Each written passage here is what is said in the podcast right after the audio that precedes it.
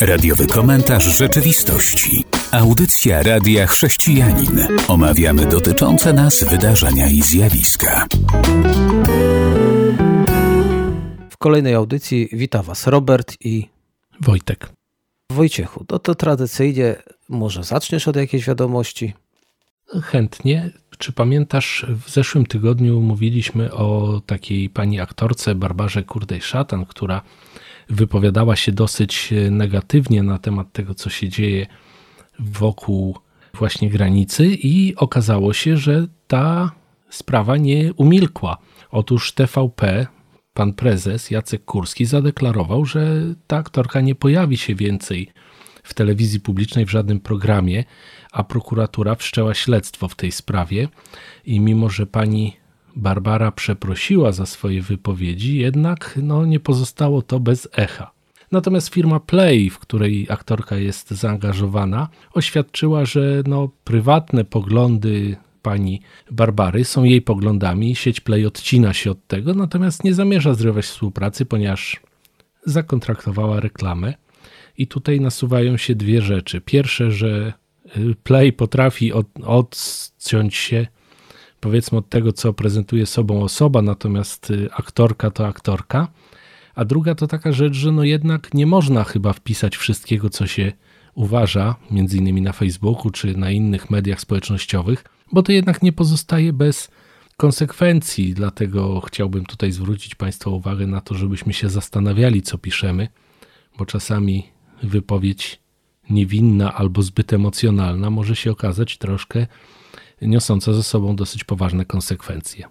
Od pewnych ludzi wymaga się więcej. Od tych, którzy pojawiają się częściej w mediach, sprawują jakieś funkcje, wymagania są większe. Dlatego z jednej strony jak najbardziej rozumiem tutaj decyzję TVP, zaś również rozumiem decyzję komercyjnych środowisk, no bo one już zainwestowały w wizerunek, podpisały kontrakty, niewykluczone, że wypłaciły pieniądze. Tu pieniądze odgrywają ogromną rolę. A jako, że telewizja ma trochę inną rolę, ta oficjalna, mogą sobie pewnie na to pozwolić. Ale jednak znowu wrócę do jednego zdania. Od pewnych ludzi więcej się będzie wymagać. I o tym jest w Nowym Testamencie. Tutaj mogę zmienić temat, ale o tych wymaganiach Pismo Święte wyraźnie mówi, że od tych, którzy nauczają Słowa Bożego, Bóg będzie więcej wymagał. Będzie wymagał i będzie ich rozliczał. Dlatego, jeżeli ktoś już bierze się za nauczanie jakichś prawd biblijnych, musi sobie zdawać z tego sprawę, że surowszy wyrok poniesie, jeżeli coś zrobi nie tak, niż taki po prostu człowiek, który nie brał się za tak odpowiedzialne rzeczy.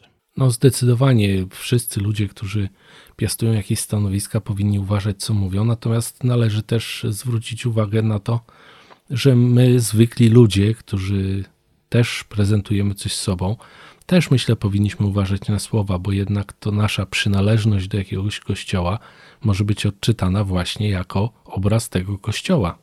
Tak, kościoła, środowiska, rodziny. Nawiązując do tej wiadomości, przeczytałem, że mamy środki komunikacji, ale się nie rozumiemy. I to tak pozwoliło mi się dzisiaj poddać refleksji, że tych środków komunikacji mamy bardzo dużo. To nie są te czasy, kiedy człowiek wiedział, że jest jeden telefon w bloku jak się coś stanie, to wszyscy biegli, a tak to środek komunikacji to było otwarte okno. Teraz, kiedy ludzie się komunikują, mają SMS-y, mają messengery, mają serwisy społecznościowe, a tak pomimo tego wszystkiego, to chyba coraz mniej się rozumiemy. No zdecydowanie, zdecydowanie. Myślę, że to wynika po prostu z tego nasycenia naszego życia społecznego tymi środkami masowego przekazu, w których jesteśmy bombardowani różnymi poglądami. Zauważyłem, że coraz częściej powstają różne fanpage, można powiedzieć strony ludzi, którzy postanowili pewne rzeczy wyjaśniać i prostować. Ostatnio nawet na Facebooku trafiłem na stronę ludzi, którzy sprawdzają różne newsy i od, dopisują do tego odpowiedni komentarz, sprawdzają rzeczy, które zostały powiedziane. Myślę, że to jest bardzo dobra praktyka, żebyśmy też sprawdzali to, co czytamy, a nie przyjmowali wszystko, co nam podadzą, bo właśnie to powoduje potem dużo niezrozumienia. Doceniam ich tych ludzi oczywiście i ich inicjatywę, bo to trzeba poświęcić temu i czas, a nikim za to zapewne nie zapłaci. Choć może troszeczkę z jakichś reklam tam wyskakujących zarobią, ale na pewno nie będzie to dochodowe. Przecież tym serwisom, nie tak dawno o tym mówiliśmy, zależy na tym, żeby ludzie się emocjonowali, czyli wszelkie wiadomości, nawet te nieprawdziwe, które wywołują ruch, no to wywołują ruch w interesie. Człowiek, który korzysta z tych serwisów, to jest tylko klientem, prawda? Całej tej infrastruktury. O, można powiedzieć, że wręcz towarem. Przechodzimy do następnej wiadomości. Słucham, Wojciechu. O, to jest taka może luźniejsza wiadomość, ale jest myślę nie mniej ważna, ponieważ Międzynarodowy Zespół Naukowców odkrył powiązania między długim siedzeniem, czy pozycją siedzącą naszą, a zdrowiem psychicznym. Z ich badań wynika, że ludzie, którzy więcej czasu spędzają w pozycji siedzącej, mają większe powody do depresji od tych, którzy są bardziej aktywni. Bliższe zbadanie tego związku może mieć duże znaczenie w niesieniu pomocy ludziom o złym stanie psychicznym. Tu właśnie podkreślają i podkreślają, że pandemia koronawirusa znacznie po, nasiliła ten stan, ponieważ dużo osób musiało siedzieć na kwarantannach czy wręcz w izolacjach. Wiadomo, że w domu no, człowiek nie pobiega, raczej spędza swoje życie w pozycji siedzącej. I właśnie tutaj chciałbym też zwrócić na to uwagę, żebyśmy może trochę mniej poświęcali czasu komputerom, a jednak jakiś spacer, jakieś wyjście, czy z dziećmi, czy z przyjaciółmi do parku, czy właśnie, żeby się przejść. Na nabożeństwo, tak, tak. Nie tylko samochodem, może też tak, tylko piechotą. Spowoduje to, że nasza kondycja psychiczna może się w znaczący sposób poprawić jeżeli pójdziemy w ogóle na nabożeństwo, a nie postanowimy siedzieć przed ekranem i tak to teraz jest u niektórych w zwyczaju, być online. Także moi drodzy, hybrydowe nauczanie w szkołach funkcjonuje, ale jak do tej pory, to chyba nie ma problemu, aby pójść na nabożeństwo. No i rzeczywiście, jeżeli to jest pół kilometra, kilometra, człowiek nie jest jeszcze osobą niepełnosprawną, to może warto się przejść. To jeżeli jesteśmy przy takich duchowych już tematach, to może przenieśmy się do innego kraju. W Indiach pogarsza się sytuacja chrześcijan, dlatego że duchowni, pastorzy przede wszystkim, borykają się z zarzutami o zmuszanie Hindusów do przejścia na chrześcijaństwo. Tak zwane fałszywe zarzuty pojawiły się, o te nielegalne nawracanie hinduistów, bo to przecież w tym kraju już weszło prawo, że nie wolno nawracać. I co postanowili zrobić? To ogłosili to w takim razie, chcemy, aby rejestrować przychodzących na nabożeństwa, tak aby jeżeli pojawi się ktoś nowy, to aby mogli mu powiedzieć: Przykro nam, nie wpuszczamy. Chciałbym tutaj troszkę się zdziwić, ale zanim się zdziwię, to powiem kontekst, bo była taka sytuacja, że przyszedł pewien człowiek, był, siedział cicho na takim nabożeństwie, a potem zebrała się grupa tych nacjonalistów Hindusów i powiedzieli, że w tym kościele tego młodego człowieka to oni go tam siłą zmusili, aby wszedł, mimo że cała wspólnota, jak i pastor mówią, no nic takiego nie było, sam przyszedł i sam wszedł. I zrobiła się zadyba. Co o tym sądzisz, że do kościoła wpuszczamy tylko swoich? Trudna sytuacja, jak domniemuję. No, trochę się to chyba mija z rolą kościoła, żeby wpuszczać do niego tylko swoich. Tak Kościół, z tego co przynajmniej mi wiadomo, powinien być otwarty na ludzi. Ja rozumiem, że jest taki sposób ominięcia tego przepisu, żeby władze się nie czepiały, ale myślę, że to wiele nie zmieni. Jeżeli ludzie się garną do Słowa Bożego, do Jezusa, to tak czy inaczej znajdą sposób, żeby się spotkać, porozmawiać. Myślę, że tutaj grupy domowe nabiorą chyba większego znaczenia albo takie głoszenie po prostu z ucha do ucha, można powiedzieć, z ust do ucha. E, I, I, to chyba się do tego sprowadzi. Myślę, że tutaj Słowo Boże zawsze znajdzie sposób, żeby dotrzeć do ludzi, a głupie przepisy, no niestety, musimy się z nimi borykać. U nas duchowni cieszą się, jak ktoś z zewnątrz przyjdzie, chyba że ja o czymś nie wiem, a tam się okazuje, grozi to pewnymi poważnymi konsekwencjami. Zapraszam teraz na przerwę muzyczną, a podejrzewam, że jak ona się skończy, to my znowu będziemy. Radiowy komentarz rzeczywistości. Witam po przerwie muzycznej. Komentujemy wiadomości i teraz Wojciech zapewne nam jakąś przedstawi. No tak, nie da się chyba uniknąć tematu ostatnich rzeczy, które dzieją się na naszej granicy z Białorusią. Tutaj media aż huczą od rzeczy, które się tam dzieją, od tych szturmów e, właśnie na naszą granicę. Ale ja bym chciał dzisiaj trochę z innej strony e, powiedzieć, zwrócić Państwa uwagę na to, co się dzieje dookoła tej sprawy. Jest związane bezpośrednio z tymi wydarzeniami, a niekoniecznie się dzieje na samej granicy, ponieważ na przykład Litwa, Łotwa i Estonia, które też są zagrożone takimi właśnie atakami, podjęły działania na Radzie Bezpieczeństwa ONZ-u, żeby właśnie wspólnota narodowa coś z tym zrobiła, żeby ktoś się tym zajął i zwracają uwagę, że to zwiększa możliwość prowokacji poważnych incydentów, które będą się rozszerzać nawet na domenę militarną.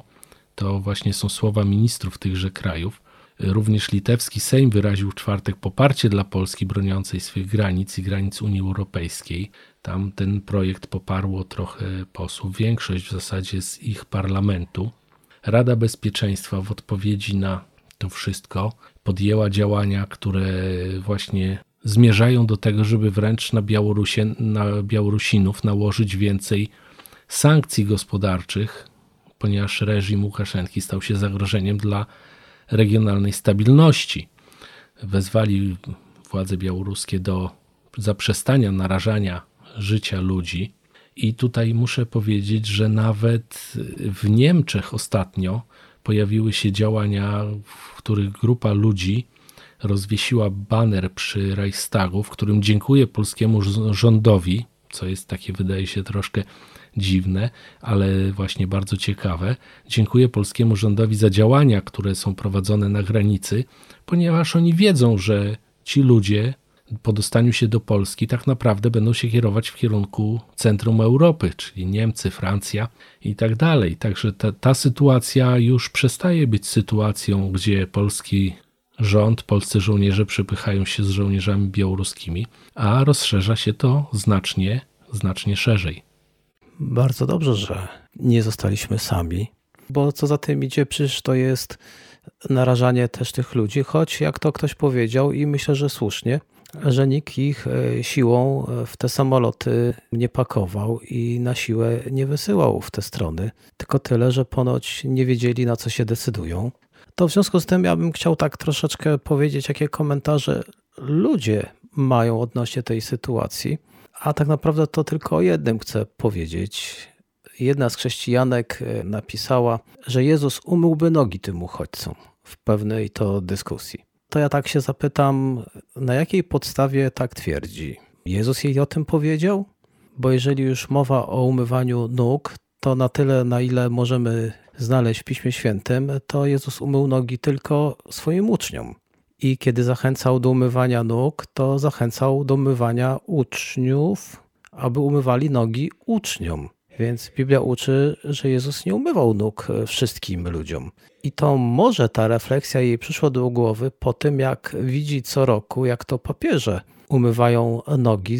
Przyjeżdżają jacyś ludzie zaproszeni i czasami się okazuje, są to niechrześcijanie. Może wyciągnęła z tego wniosek, że to jest w Biblii.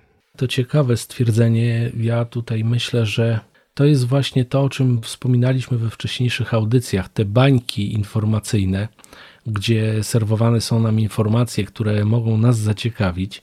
Myślę, że ta pani, to, to znaczy nie znam sytuacji, tak domniemuję tylko, że ta pani po prostu otrzymuje informacje z mediów, jak to właśnie źle traktowani są ci uchodźcy, ale to trzeba powiedzieć dzisiaj na przykład w radiu, jadąc samochodem, słyszałem, że jest wiele grup, które pomagają tym ludziom, właśnie dają im cieplejsze ubrania, roznoszą wodę, roznoszą jedzenie, mimo sytuacji wojsko jednak pozwala pomagać ludziom. To nie jest tak, że jest to wszystko odgrodzone, zamknięte i nikt nie może się tam przedrzeć, żadna mysz. Jednak te dary są rozdawane, w jakiś sposób pomoc tym ludziom jest udzielana. Ja myślę, że po prostu komuś zależy na tym, żeby pokazywać to właśnie w taki sposób.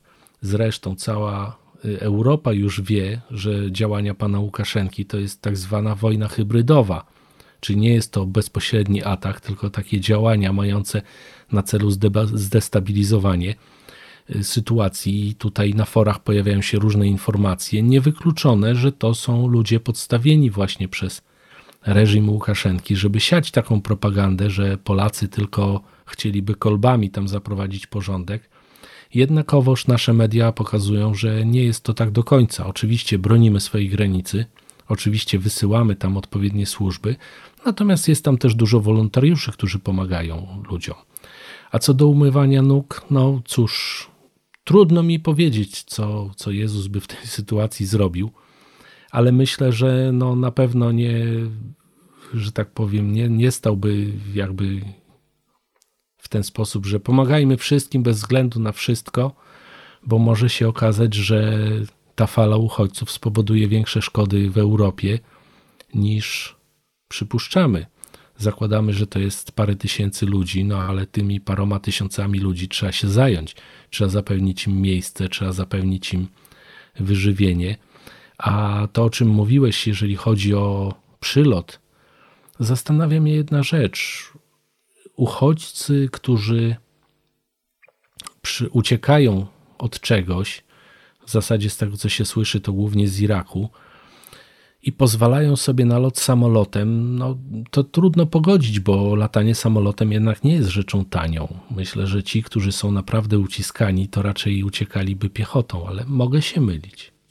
Tu nie wiemy. Zapewne wśród nich są przeróżni ludzie i mający przeróżne motywacje. Mądrość tylko nam nakazuje, aby kiedy chcemy kogoś przyjąć, to zbadać, zweryfikować. I rzeczywiście powiem, jeżeli ci ludzie chcą pracować, to zapraszamy, ale jeżeli nie chcą pracować, a chcą nas krzywdzić, to trzeba byłoby im powiedzieć do widzenia. A teraz zapraszam na przerwę muzyczną, a po niej wracamy i będzie część trzecia. Radiowy komentarz rzeczywistości. Jesteśmy już w części trzeciej. Komentujemy rzeczywistość. Przed nami jeszcze kilka ostatnich wiadomości. Czy masz coś, Wojciechu, jeszcze? Tak, to jest informacja, która jest bardzo ciekawa w kontekście całej sytuacji, która się dzieje, którą omawialiśmy w poprzedniej części.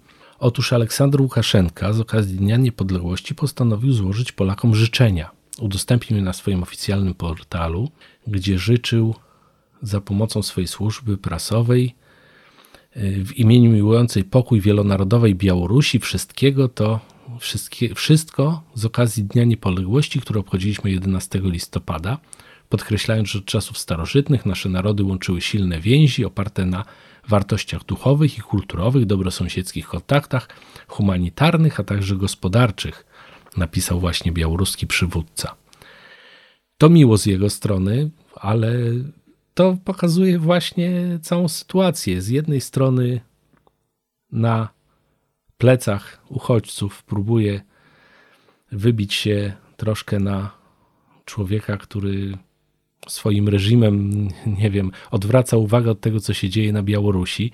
Natomiast z drugiej strony pokazuje, jak to on jest dobry, miłujący pokój i y, życzący nam wszystkiego najlepszego, no to pokazuje chyba troszkę, że to jest właśnie wszystko polityką i to taką polityką szyderczą, polityką, która ma na celu odwrócenie uwagi od tego wszystkiego, co się dzieje.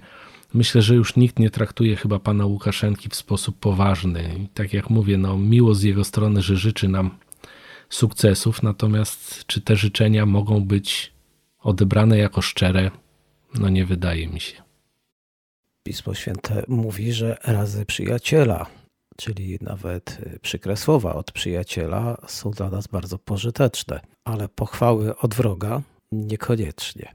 Także trzeba uważać na tych, którzy mówią miłe rzeczy. Ja całe życie uważam na tych, którzy mówią zbyt wiele miłych rzeczy o mnie i do mnie, szczególnie do mnie wtedy zwracam uwagę baczniejszą, bo wiem, że mam takich dobrych znajomych, którzy jak powiedzą coś niemiłego, ale wiemy, że nie robią tego w celu, aby mi zaszkodzić, tylko aby mi na coś zwrócić uwagę. Więc na tych, co mi przychodzą i tylko mówią miłe rzeczy, baczniejszą mam uwagę. Teraz zmienimy temat i przeniesiemy się do Australii. Tam zauważają niektórzy duchowni, że zagrożona jest wolność religijna. Ktoś by pomyślał Australia. No tak, i to jeszcze bardzo dziwna sytuacja, bo chodzi o to, że państwo chce decydować, albo chce w ogóle zdecydować. Bo jak komentuje pewien to prawnik, wraz poprawkami w analizie projektu ustawy, którą mógł sobie przeczytać, szkoły prowadzone przez wspólnoty wyznaniowe stracą prawo doboru kadry na podstawie tego, czy kandydaci wyznają fundamentalne wartości nauczane w tej szkole. Ponadto na wszystkie szkoły tego rodzaju nałożono by prawo, zgodnie z którym kryterium zatrudniania na podstawie przekonań religijnych musi być uzasadnione przez wykazanie, że dana praca wymaga faktycznie związku z przyjętym kryterium. W konsekwencji o zastosowaniu kryterium zdecyduje sąd. Wyobrażasz to sobie, że jest szkoła jakaś chrześcijańska, która nie ma wpływu na to, że przychodzi i chce tam pracować satanista, a oni mówią mu, przykro mi, nie możemy pana zatrudnić, a potem się tłumaczą w sądzie, dlaczego go nie przyjęli. To jest skomplikowana sytuacja. Podejrzewam, że nie wzięła się też ona znikąd, że się okazało, że może w szkołach zaczęto wprowadzać na siłę jakieś przekonania. Myślę, że niekoniecznie może być to wymierzone w chrześcijan, no trudno powiedzieć bez kontekstu. Natomiast chciałem zwrócić uwagę na jedną sytuację, która pośrednio może się wydaje wiąże z tym tematem. Otóż kiedyś w Turcji, y, po wojnie, kiedy Turcja się rozwijała i miała bardzo dobre relacje właśnie gospodarcze, tam rządził człowiek, który absolutnie rozdzielił Kościół od państwa, jakikolwiek Kościół. Państwo było jednym tworem, Kościół był drugim tworem. Oczywiście nikt nie zabraniał nikomu wierzyć w to, co mu się tam żywnie podoba, natomiast był taki jasny rozdział. I sytuacja była taka, że nawet konstytucyjnie w tureckim prawie było zapisane, że jeżeli tylko jakaś formacja religijna y, zechce sięgać po władzę, w tym momencie wkracza wojsko i tą sytuację rozwiązuje. Natomiast niestety dzisiaj okazało się, że kiedy islam wszedł bardzo mocno do tureckich, y, tureckiego rządu, to prawo przestało funkcjonować. To stało się martwym prawem i widzimy, że no Turcja już nie jest taką potęgą gospodarczą jak kiedyś. Ma to swoje oczywiście dobre strony i złe strony. Tutaj bardziej wydaje mi się, że to idzie chyba w złym kierunku. Natomiast Australia, która zawsze cieszyła się, mam wrażenie, taką jakby wielonarodowością, wielokulturowością, swego czasu nawet zapraszali do zamieszkania w tymże pięknym kraju i nie wiem, czy sytuacja nie jest taka, że oni też się boją nadmiernej islamizacji i być może to z tego wynika. Powiem, że wolność się kończy i to w wielu krajach na całym świecie, bo prawda jest taka, że jeżeli jest to szkoła, szkoła chrześcijańska powinna mieć prawo powiedzieć, że zatrudnia tylko chrześcijan, którzy podzielają ich poglądy. A jak nie, to niech w ogóle zabronią tworzyć szkoły wyznaniowe i powiedzą wszelkim organizacjom chrześcijańskim: mówimy nie. A jeżeli już mówią, że tak i chcą korzystać z tego dorobku, to niech pozwolą zatrudniać w szkołach chrześcijańskich, w organizacjach chrześcijańskich ludzi, którzy mają te przekonania, bo to dochodzi do tego, że jest tam taki przedmiot jak zajęcia na przykład z, z religii i będzie uczył ktoś, kto w ogóle jest niewierzący. I on może powiedzieć dzieciom: Ja tam jestem ateistą, tutaj się zatrudniłem i was będę uczył Brzmi to absurdalnie, ale do tego zapewne może dojść, bo już były sytuacje w innych krajach, gdzie ktoś złożył skargę, bo nie chcieli go zatrudnić, no ale też nie podzielał poglądów danej organizacji. To była sytuacja w Stanach Zjednoczonych. No i sprawa się toczyła. Czyli to oznacza, że już brak wolności. Może się zdarzyć, że w kościele zatrudnią pastora, który straci wiarę albo księdza, stanie się muzułmaninem, ale nie będą mogli go zwolnić, no bo niby z jakiej racji? W szkole uczy matematyki, zatrudnili go jako chrześcijanina albo zatrudnili go do nauki religii, a on teraz został muzułmaninem i dalej uczy religii. Tylko jakiej?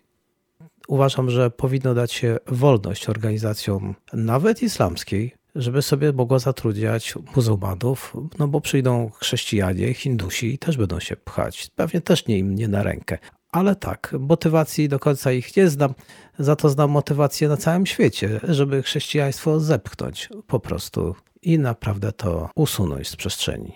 I ostatnia ciekawa wiadomość na dzisiaj. W poprzedniej audycji mówiliśmy o sztucznej inteligencji. Pamiętasz?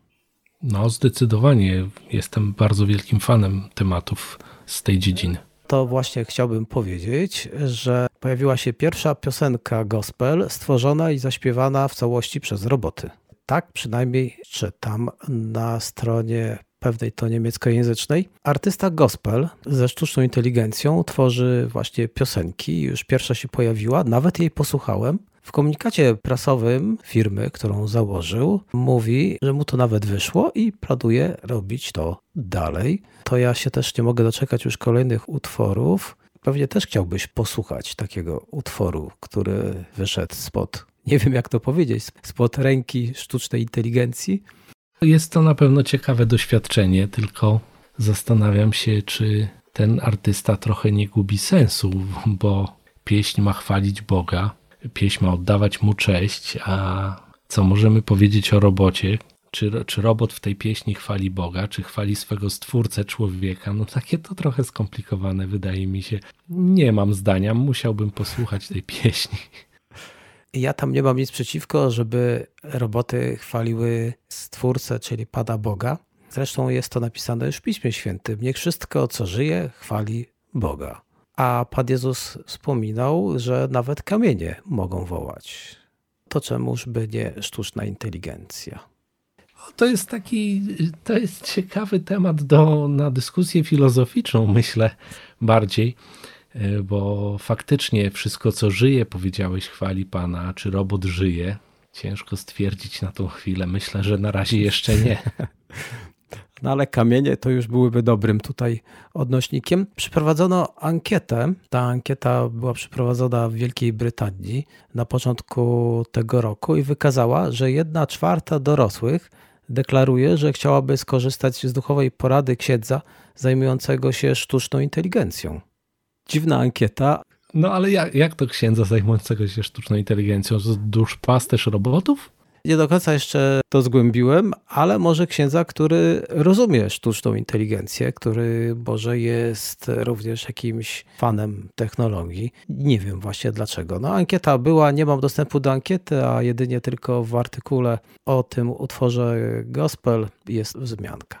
Ciekawe i głosi im pewnie w Basicu, ale to spoko. Ja spróbuję dotrzeć do tej informacji, chętnie się z nią zapoznam czekam na te informacje dodatkowe, które dla nas przygotujesz i przy następnej okazji będziesz mógł nam więcej powiedzieć. Dyrektor generalny firmy, która właśnie wypuściła ten utwór, powiedział: Cieszymy się, że jesteśmy jednym z pionierów w dziedzinie sztucznej inteligencji w branży gospel. I mamy dalsze plany publikowania jeszcze większej liczby takich artystów spod tego znaku sztucznej inteligencji. No to tą jakże dziwną wiadomością kończymy naszą audycję. Naszych słuchaczy zapraszam już na kolejną, a teraz już mówię do usłyszenia. Do usłyszenia. Był to radiowy komentarz rzeczywistości.